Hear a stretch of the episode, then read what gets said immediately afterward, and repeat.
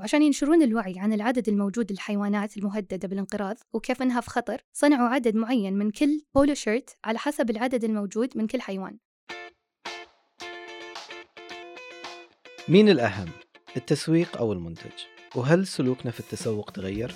وليش الذكاء الاصطناعي هو مستقبل التسويق؟ مرحبا فيكم أنا حسين النبي وهذا بودكاست كبسولة تسويق وعلى طاولة واحدة نتكلم marketing ومعانا هالمرة من الرياض نورة ونوف وسليمان وعبر أثير الزوم من البحرين أشواق مرحبا فيكم.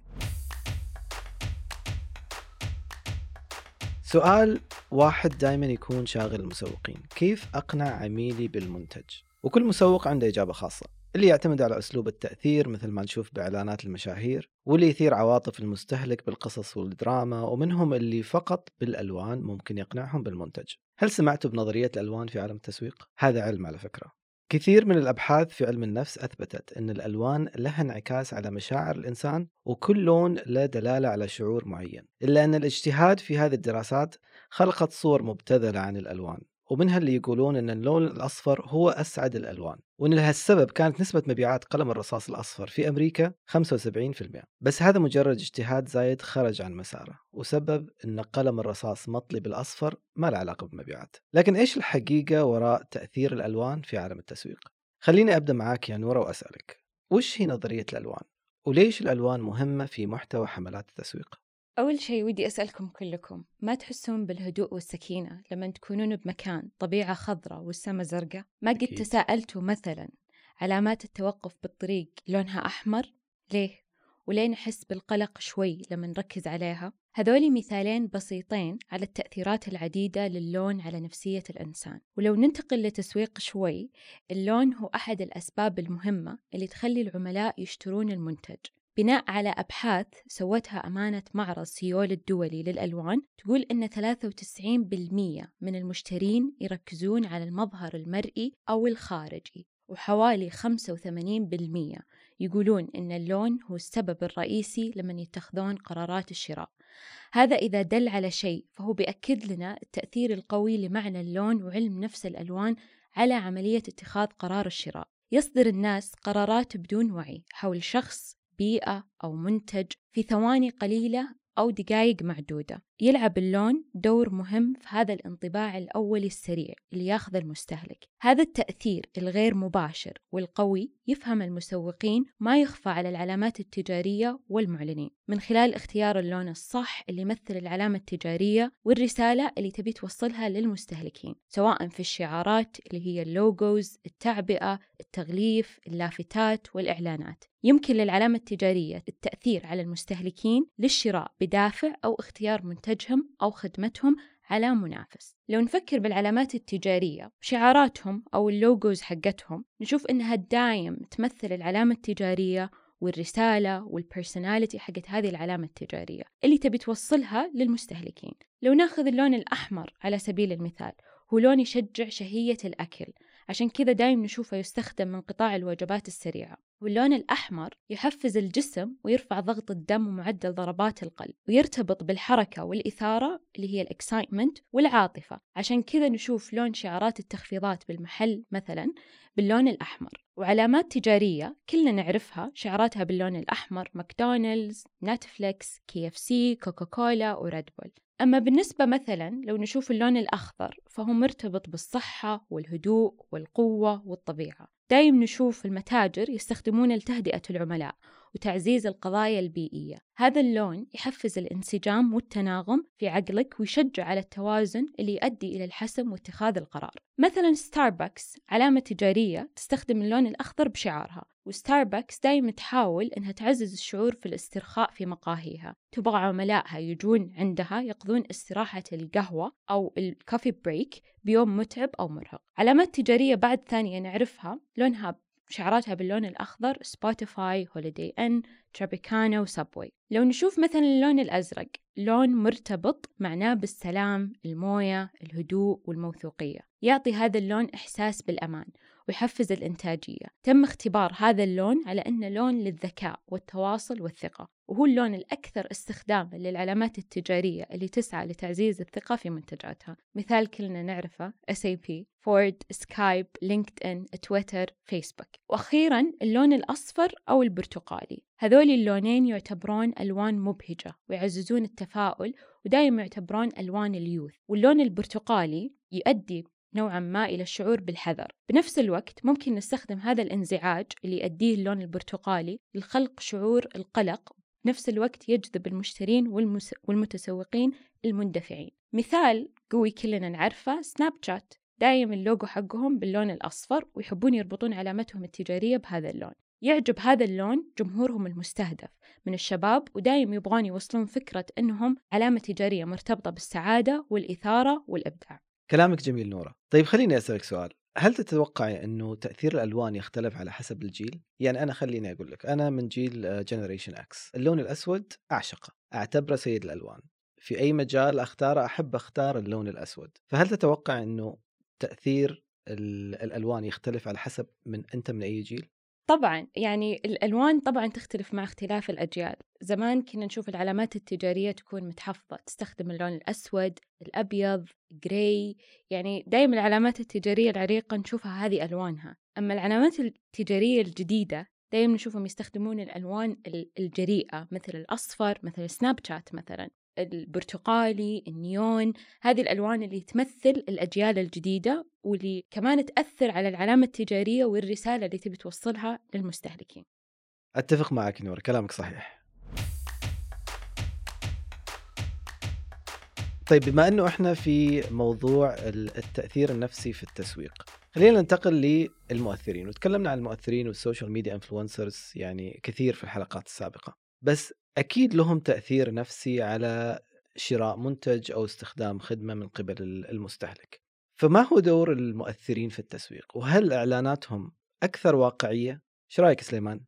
أه، طبعا تأثيرهم فعال وهم أكثر واقعية. التسويق عبر المؤثرين يلمس بشكل مباشر رغبات وميول البشر الطبيعية للإحساس بالانتماء والحاجة للتوافق الاجتماعي، كذلك طريقة تحليلنا للخيارات واتخاذنا للقرارات. آه، عشان كذا تجد التسويق عبر المؤثرين أكثر فعالية وجاذبية من أنواع التسويق الأخرى آه، لأنه إحنا غالبا مدفوعين بالحاجة إلى الترابط وأصلا هذا بالضبط ما تحققه لنا وسائل التواصل الاجتماعي في المقام الأول.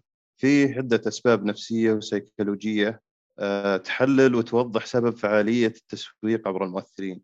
المؤثرين قادرين على التسويق بشكل فعال لأنهم يستطيعون كسب ثقة المستهلكين. إحنا متعودين من الصغر على قبول النصيحة والتعلم من الأشخاص أصحاب التأثير واللي لهم ثقة ومكانة عند المجتمع. فلما نسمع توصياتهم وآرائهم آه، نفترض بطبيعة الحال أن عندهم معرفة متخصصة وتصور كامل بنوا عليه هذه الآراء عشان كذا نقبل هذه الآراء على أنها واقعية. فوربس تقول التأثير الاجتماعي المعلوماتي هو التغيير في الآراء أو السلوك الذي يحدث عندما نتوافق مع الأشخاص الذين نعتقد أن لديهم معلومات دقيقة. طيب كيف يتم التحقق أن هذا المؤثر أصبح شخصية مرجعية يعتمد عليه من قبل المستهلكين؟ آه واحد أن المؤثر سباق لنشر الأخبار والمعلومات والتطورات الحديثة في مجاله فهذا يجعله يبدو أنه خبير وعلى دراية. اثنين حجم عدد المتابعين. بشكل عام في مجال التسويق عبر المؤثرين في منصات التواصل الاجتماعي نقسم المؤثرين إلى أربع أقسام بناء على حجم الجمهور. الأقسام هي النانو والمايكرو والماكرو والميجا. جميل كلامك سليمان. طيب أنا عندي لكم سؤال. هل تتوقعوا أنه بما أنه سليمان ذكر المؤثرين أو ال social media influencers والتجارب الشخصية هل تتوقع أنه كل المؤثرين قاعدين يستخدموا تجاربهم الشخصية في تسويق المنتجات؟ آه ما نقدر نعمم عليهم كلهم فالبعض أكيد أنهم يستخدمونه كتسويق فقط ولكن بعضهم يشاركون تجاربهم الواقعية. فيعني نقدر نقول 50 50 50 50 عشان نكون محايدين. بالضبط. وأنا أعتقد السر بال influencers إنك تختار ال influencer الصح لل target audience الصح. يعني مو شرط فلان عنده 1 مليون viewers هو صح لمنتجي ولا صح علامتي التجارية. لازم نختار يعني ال influencer الصح اللي يتابع علامتي التجارية واللي تاب واللي يمشي مع جمهوري المستهدف. بالتالي بيكون الأثر أبعد حتى ولو كان مايكرو ولا يعني macro. macro. أو macro. أو macro. بالضبط. فأحس الجمهور المستهدف لازم يكون يعني بين عيوننا لما نختار ال- ال influencer الصح. صح. و point كمان والنقطة اللي لازم ننتبه لها في اختيار ال influencer لأن نختار ال influencer الصحيح زي ما قالت نورة لأن أحيانا ممكن يأثر على ال brand بشكل عكسي وممكن يسبب لك مشاكل مرة كبيرة وناس يقاطعون علامتك التجارية بسبب اختيار خاطئ. صحيح. وأعتقد الارتباط مع ال influencer الارتباط طويل الأمد يعني. يعني أنت اليوم بتعلن معاه بس ترى اسم علامتك التجارية بيكون مرتبط بهذا الشخص يعني لمدى طويل. فلازم لما تختار شخص معين تكون super careful لأنه ممكن بعد سنة سنتين آه، يعني ال values حقته تتغير أشياء كثيرة تتغير وبالتالي بتنعكس على علامتك التجارية وبتنعكس على جمهورك المستهدف كمان. صح. وهي يذكرني برضو بال ambassadors when they choose ambassadors for specific brands. تحس إنه هذا ال brand لهذا ال ambassador هذا يمثل ال brand بكل تفاصيله. بس حتى لما يتغير ال ambassador ما تت- تتوقع إنه آه، حيتغير شكل ال brand أو ال perception تبع ال brand ولكن العلامة التجارية تختار ال ambassadors بكل آه، تفاصيلهم. Very carefully so they can fit into the brand which is very very uh, aligned with what you said uh, نورا. طيب بما إنه إحنا قاعدين نتكلم عن المؤثرين وقدرتهم على إنهم يخلون المستهلك يتخذ قرار الشراء بتسويق المنتجات هذا ياخذني الموضوع ال neuromarketing أو التسويق العصبي. اللي فيه يخاطب المسوق العقل الباطن. ويمكن هو من أقوى أساليب التسويق اللي يقدر من خلالها المسوق ترسيخ اسم العلامة التجارية في دماغ المستهلك لمدى جدا طويل. وبالتالي أحيانا نستخدم اسم منتج واحد للدلالة على فئة معينة من المنتجات مثل ما نقول مثلا تايد إشارة إلى منتجات غسيل الملابس أو نسكافيه للقهوة سريعة التحضير وغيرها من الأمثلة. أشواق كلمينا شوي عن النيورو ماركتينج طبعا النيورو ماركتينج يعني ما هو بشيء جديد. دائما كان في دراسات على سلوك الإنسان على آه، زي ما في البداية تكلمت تأثير الألوان for example هالشيء كيف يأثر على آه، اللوجو يأثر على ال packaging اللي هو شكل ال- المنتج نفسه إلى آخره. بس أنا أبغى شوي أرجع حق نقطة المؤثرين لأنه استرسلت فيها وحبيتها وحسيت إنه عندي شيء أحتاج أضيفه which يعني له علاقة أيضا بسلوك الإنسان أو بالتسويق العصبي ونفسيه الشخص والسيكولوجي مالت ال- ال- الشخص نفسه. لو تلاحظ المؤثرين خصوصا ال- الميجا نفس ما ذكر سليمان اللي هم عندهم يعني huge number of followers دائما يحسسونا أو يراونا جانب فيه رفاهية وترف في حياتهم. يعني أحسن السيارات المجوهرات ال lifestyle حقهم يعني شيء مرة يعني ال- ال- ال rank حقه up high.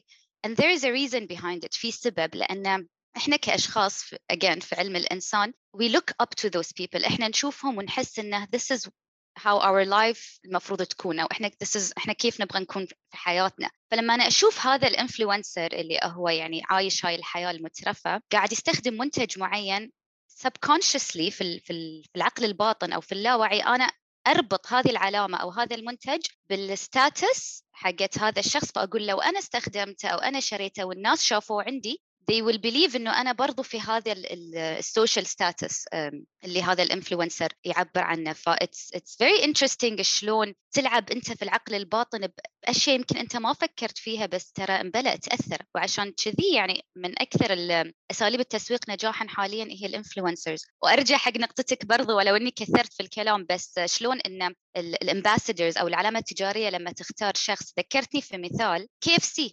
في إحدى الدول الخليجية آه، هو طبعا brand معروف إنه هو حق fast food استعانوا بأحد ال influencers اللي هو من ال mega influencers واللي معروف عن هذه الشخصية بدون ذكر أسامي إن حياة هذه الشخصية جدا مترفة ودائما علامات تجارية فارهة و و و. بس هي كانت في هذا الإعلان آه، تعلن عن منتج fast food فيمكن أنت تقول شلون؟ ليش؟ لا بالعكس آه، فكرة جدا ذكية لأن أنت تربط أن هذه العلامة اللي إحنا نسميها علامة تجارية جدا يعني تعبر عن ال fast food آه، شخصية مثل هذه تاكلها. فإذا أنا بعد أقدر أقول إن إن أنا آكل من هال fast food chain شيء cool أو شيء حلو. ما أعرف إذا وضحت الفكرة بس this is how يعني يستخدمون ال neuromarketing أو التسويق العصبي خصوصا في مجال المؤثرين.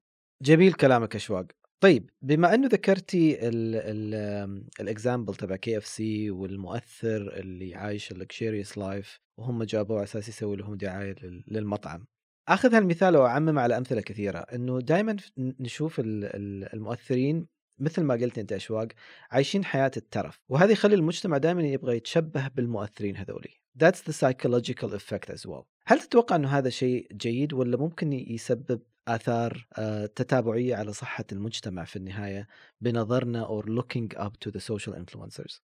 آه، حسين هاي شيء أكيد إنه هو يأثر سلبا على نفسية الشخص لأنه يبتدي يحس بضغط يبتدي يحس ببريشر إن أنا شخص غير ناجح أنا مو حلوة أنا مو محققة ذاتي لأن أنا ما وصلت حق يمكن أنا قاعد أتكلم شوي من منطلق من جانب إن أنا بنت بس أتوقع حتى يعني على على بشكل عام حتى سواء امرأة أو رجل في في تأثير على سيكولوجية الشخص أو نفسية الشخص إنه أنا مو ناجح كفاية وأنا ما أحقق ذاتي لأن أنا ما وصلت لهالمرحلة اللي أنا قاعد قاعد أشوف ال influencer أو هذا المؤثر واصل لها وبالتالي قد تأثر يعني على يعني ممكن توصل حتى لمرحلة إنه يصير في آه، حقيقي مشكلة نفسية يعني. الواحد يحس نفسه إنه هو يمر بمشاكل نفسية وأزمات نفسية يمكن ما يعرف بس إيه لأن ال social media أنا دائما على تليفوني واشوف الناس كيف عايشة و I I look up to it أشوف أنا وين الحين وأحس بالضغط بال pressure صحيح أتفق معك. هذا طبعا يأخذنا الحين للحديث عن الدور المجتمعي اللي ممكن تقدمه الشركات لحملات الصحة النفسية وغيرها. ويدخلنا في نوع من أنواع التسويق وهو التسويق الأخلاقي ال ethical marketing نوف كلمينا شوي عن ال ethical marketing والتسويق الأخلاقي. أوكي. آه، التسويق الأخلاقي جزء جدا مهم في التسويق والمفروض كل الشركات ما تغفل عنه لأنه ممكن يأثر بشكل كبير على الشركة إن كانت من ناحية إيجابية أو العكس. أكيد البعض يتساءل إيش معنى التسويق الأخلاقي؟ بكل بساطة هو أنك تتصرف بطريقة أخلاقية في الممارسات الاقتصادية بشكل يدعم القيم الإنسانية والاجتماعية والبيئية. وهذا الشيء له تأثير كبير جدا على الشركات من عدة نواحي. مثلا زيادة المبيعات أو توقفها آه، مقاطعة بعض العلامات التجارية تكسب ولاء العميل أو تخسره تحسن صورة ال brand أو العكس. وحسب الإحصائيات 82% من المستهلكين يعتقدون أن العلامات التجارية الأخلاقية تتفوق على غيرها لأنها تلتزم أخلاقيا بإعلاناتها ومنتجاتها. توصل رسالة للعميل قد إيش خدماتنا ومنتجاتنا تدعم مسؤوليات مجتمعية أو بيئية. خلوني أضرب لكم مثال عشان يكون كلامي أوضح. واحدة من أشهر الشركات في العالم اللي الأغلب إذا مو الكل يعرفها الشركة هي لاكوست قبل كم سنة لاكوست أطلقت حملة تدعم فيها الحياة البيئية والحيوانات المهددة بالانقراض فيديو جدا بسيط وواضح. فقرروا يغيرون علامة التمساح المعروفة على ال polo shirt وبدلوها بعشر حيوانات مهددة بالانقراض زي نوع من أنواع النمور والسلاحف وغيرهم كثير. وعشان ينشرون الوعي عن العدد الموجود للحيوانات المهددة بالانقراض وكيف أنها في خطر صنعوا عدد معين من كل polo shirt على حسب العدد الموجود من كل حيوان. مثلا نوع النمر هذا موجود منه 350 في العالم فصنعوا 350 polo shirt عليه لوجو النمر وما إلى ذلك. حلو. والمثير للاهتمام إن الحملة سوت ضجة كبيرة جدا في ال social media وكل ال polo shirts أنباعت خلال 24 ساعة فقط. و76% من المبيعات كانت لناس أول مرة يتعاملون مع لاكوست فهم كذا ضربوا عصفورين بحجر على قولتهم ساهموا بمسؤولية اجتماعية وكسبوا new customers في نفس الوقت. وبعض الناس يتوقعون أن التسويق الأخلاقي سهل جدا وأي أحد يقدر يسويه. بس إذا جينا لأرض الواقع فتطبيقه شيء مو سهل أبدا. وأحيانا تكون النية والمقصد كويسين بس ما تم تطبيقها بالشكل الصحيح أو انفهمت بطريقة غلط فينقلب الموضوع ضدك. زي واحدة من أشهر مطاعم البيتزا عندنا قرروا يساهمون بتويت بسيط في يوم التأتأة العالمي. ولكن تفاجأوا بردة فعل عكسية وهجوم مرة قوي عليهم. ليش؟ لأنهم كتبوا تويت بطريقة كلام الشخص اللي تأتأ. فالناس عصبوا وحسوا أنهم جالسين يتريقون على أصحاب التأتأة. فهجموا عليهم هجوم مرة قوي لدرجة تم استدعائهم من وزارة التجارة وقدموا اعتذار وقالوا أنه سيتم محاسبة الشخص المسؤول. وفي أمثلة مرة كثير بس هذه نبذة بسيطة عن التسويق الأخلاقي.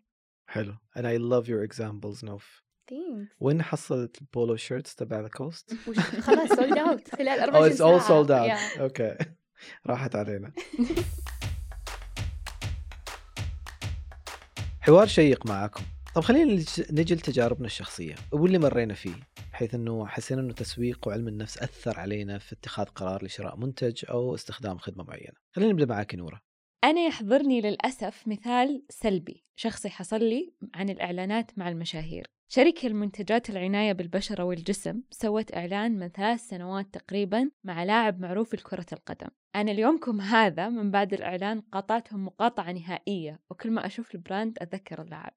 أتفق مع كلام نورة لأن أنا أشوف نفسي أشجع إحدى الفرق السعودية هنا ومرة متعصبة له. فلما أشوف الفريق الثاني اللي هو ضده يتعامل مع brand فيعني شوي نفسي تميل لل brand اللي يتعامل مع فريق اللي أنا أشجعه. أنا بخصوص آه، موضوع الألوان أنا ألاحظ على نفسي دائما لما أشتري أروح المول وأشتري تي شيرت ما أكتشف في النهاية عند الكاشير إنه اللون رمادي وهو my favorite color فأتوقع هذا له تأثير آه، قوي علي الألوان. وكمان point مهم على الألوان وكيف إنها تأثر على الشخص. أنا من الناس اللي جدا أتأثر بالألوان وال packaging وإنه يكون مرة catchy وخاصة بال beauty products وال skin care وهذه الأشياء. إذا جاني product ال packaging حقه سادة وما في colors وأشياء كذا تلفت الانتباه صراحة I go for ال packaging أكثر مع إنه غلط sometimes بس affects uh, الناس بشكل مرة كبير. okay طيب أشواق أنا برجع حق نقطة ال influencers again ويعني ما أعرف هذا مو مثال بس هو يعني قرار اتخذته بعد ما استوعبت إيش كثر يعني التأثير حقهم سلبي أعتذر بس هاي الحقيقة. at least يمكن حق نفسي أنا. فأنا القرار إن أنا كنت يعني مستحيل أسوي follow أو أتابع أي influencer وحتى لو طلع لي إعلان أو شيء هم يتكلمون فيه يعني نفس اللي أنا I challenged myself إني ما أشوف وما أتفرج لأنه ما أبغى يعني أطيح في في نقطة المقارنة اللي يعني سلوكنا البشري يحتمها علينا. فأنا أبعد هالموضوع عني قد ما أقدر. فما أعرف إذا هاي مثال بس هاي شيء من تجربة شخصية. حلو مثال حلو الصراحة. آه، بخصوص آه، ال influencers أنا صراحة بعض هو يعتمد دائما على ال influencer بعضهم مصداقيتهم عالية وبعضهم مصداقيتهم ما هي عالية. دائما آه، لما أتخذ قرار أنا أحاول أعتمد على ال influencer اللي أنا أثق فيه بحكم اختصاصه بالمجال ومعرفته وهل هو صراحة يهتم بالجمهور ومتابعينه متابعينه ولا لا. فإذا كانت مصداقيته عالية أنا عادة أعتمد عليه. أما ال influencers اللي يعني مصداقيتهم ما هي عالية حقيقة أنا ما ما أتابعهم ولا أعتمد عليهم. أنا بالنسبة لي بذكر لكم تجربة شخصية مش مثال مريت فيه بس إنه تجربة شخصية في شغلي السابق لما كنت أشتغل مع زين. آه، أول ما دخلت زين كان ال two competitors الوحيدين الموجودين في ال market السعودي كان عند اتصالات STC وموبايلي. وكان ال two factors of their proposing their solutions ولا their packages لل market كانت فقط ال quality وال price أول ما جت زين في السعودية خلقت factor ثالث اللي هو ال emotional factor ال factor هذا خلق تنافسية مش طبيعية لأنه أثرت أو اشتغلت زين على ال emotional sense of the people زين عالم جميل ال patterns في الدعايات تبعهم ال TVCs اللي سووهم الأغاني. صار التسويق يعتمد أكثر على ال emotional sense of people to take a decision في النهاية ويتخذوا قرار إن هم يتجهوا مع زين. هذا خلق تنافسية جدا كبيرة ومن خلالها شفنا إنه تطورت STC وتطورت موبايلي في طريقة توصيلهم لإعلاناتهم، طريقة التسويق اللي يستخدموها، هذا علمني الشيء الكثير صراحة من أيام شغلي في زين، ولحد الآن آه، أنا مؤمن جدا بال emotional factor in taking decisions وكيف إنه علم النفس مع التسويق لا ينفصلان ابدا. جميل الحوار وشكرا لكم كلكم جزيلا. ما زال عندنا الكثير راح نتكلم فيه في الحلقات القادمة. انتظرونا الحلقة القادمة. ولا تنسوا الاشتراك وتقييم البودكاست على المنصة اللي تسمعون منها. في أمان الله.